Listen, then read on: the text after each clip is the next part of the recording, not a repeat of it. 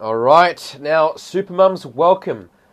今日咧，我就想解释一个问题，好多媽媽問我嘅，佢問我 Jeff，如果我係誒原來冇同其他嗰啲媽媽咁後生，或者嗰個媽媽誒 older 嘅老原來 a bit older 嘅，會唔會有影響咧？Well，其實咧會唔會有影響係好少好少啫。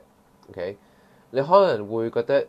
誒，即即係當然啦。你年紀大，其實你係會慢慢 decrease 喺個 muscle mass 噶嘛。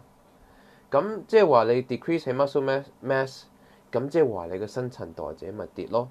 咁新陳代謝記得係有唔同種，有唔同個種嘅，就 resting metabolic rate。OK，resting metabolic rate 即係坐喺度做完運動，坐喺度，咁你係誒都冇完全都冇 burn 到 cal。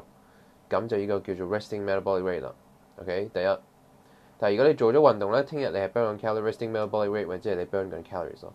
嗯，咁如果你係話 BMR 咧，係即係我哋個 basal metabolic rate，basal metabolic rate 咧即係你廿四小時裡面係冇做運動嘅，誒冇冇壓力嘅，咁呢個就係你個 basal metabolic rate 啦。咁即係 energy consumption，即係你唔做運動，乜嘢都唔做，誒你自己個。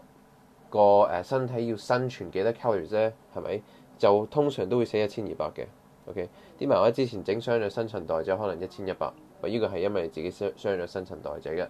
正常你去整個肌啊、m 啊，佢都會講一千一百幾嘅。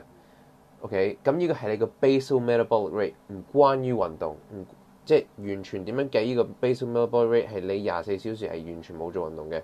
OK，咁誒答翻你個問題啦，係咪個媽媽？誒個年齡會有 effect 咧，有。如果你自己個媽媽係完全冇喐動，完全冇 muscle，冧白白嘅，咁佢個新陳代謝咪慢咯。但嗰個媽媽係有 keep 住做運動，係有 keep 住做 strength training。咁 strength training 即係話佢自己啊 lift weights 啊，重量運動啊，咁佢慢慢有 lean muscle。咁 lean muscle 咪新陳代謝越嚟快咯，新陳代謝越嚟快咪需要營養去到個 muscle 咯，就係咁簡單。OK，所以俾大家知道誒新陳代謝呢個情況。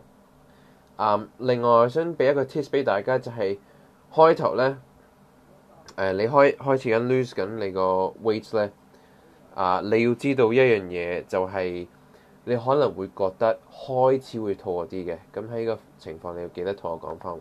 好，right？如果你仲唔明咧，可以同我傾翻。